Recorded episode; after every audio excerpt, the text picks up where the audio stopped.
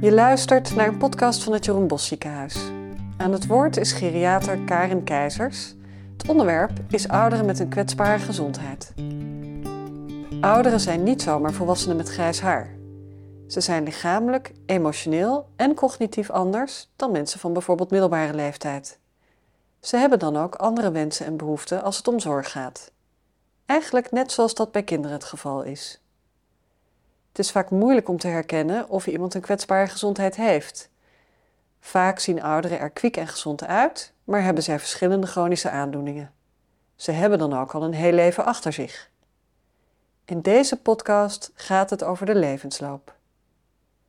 Luister naar hoe het leven komt en hoe het leven gaat. Als je geboren wordt, dan kan je nog niet zoveel. Er wordt voor je gezorgd, je krijgt eten, ze lopen met je rond in een wandelwagen en de hele wereld staat om jou heen. Je groeit op en je kan steeds meer zelf. Je leert lopen, je leert fietsen, je gaat praten. En op een gegeven moment zeg je tegen je ouders: Nee hoor, dat doe ik liever zelf. Je schoenen aandoen of naar school toe lopen. Je groeit verder op en steeds meer dingen kan je al zelfstandig een gegeven moment kom je op de middelbare school en je vindt jezelf al echt best wel groot. Je hebt je ouders toch niet meer nodig voor alles? Je kan het allemaal wel zelf. Je bent 16 en als het zou mogen, had je eigenlijk al auto willen rijden. Want dat kan je waarschijnlijk ook wel zelf. Maar op je 18e ga je echt auto rijden. Krijg je eerste rijlessen en je gaat misschien al uit huis en op jezelf wonen. Je bent ervan overtuigd dat je het eigenlijk allemaal wel zelf kan.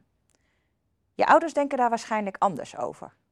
En zit er een spin op de muur of moet er een schilderijtje worden opgehang, opgehangen, dan bel je je ouders. Je groeit verder op en je merkt dat je ouders langzaam ouder gaan worden. Hoe werkt die uh, nieuwe techniek precies? Kan jij me daarmee helpen? Vragen je ouders als ze je opbellen. Je krijgt kinderen en je gaat zelf zorgen voor die baby die niet nog, nog niet zoveel zelf kan. Je groeit verder op, je kinderen worden groter, je ouders worden ouder en hebben steeds meer zorg nodig. Maar denk me niet dat je ouders je dat van je aannemen, want die kunnen het allemaal nog prima zelf in dat grote huis. Je ouders komen te overlijden en zelf ben je nu de oudste. Je blijft wonen in het grote huis en je redt het allemaal nog prima zelf. Je wordt misschien opa en oma.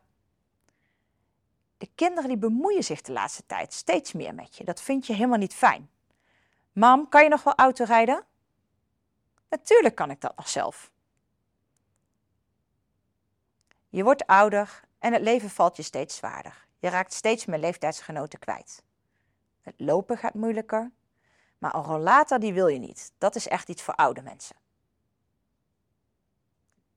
Langzaamaan wordt het steeds moeilijker om de dagelijkse dingen te doen. Je huishouden draaien, ook alles onthouden. Die techniek wordt steeds ingewikkelder. Maar tegen de kinderen zeg je: ik kan het nog prima zelf, bemoei je er maar niet mee.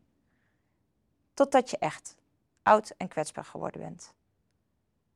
Eigenlijk kan je het niet meer zelf. Wie gaat er nu voor me zorgen?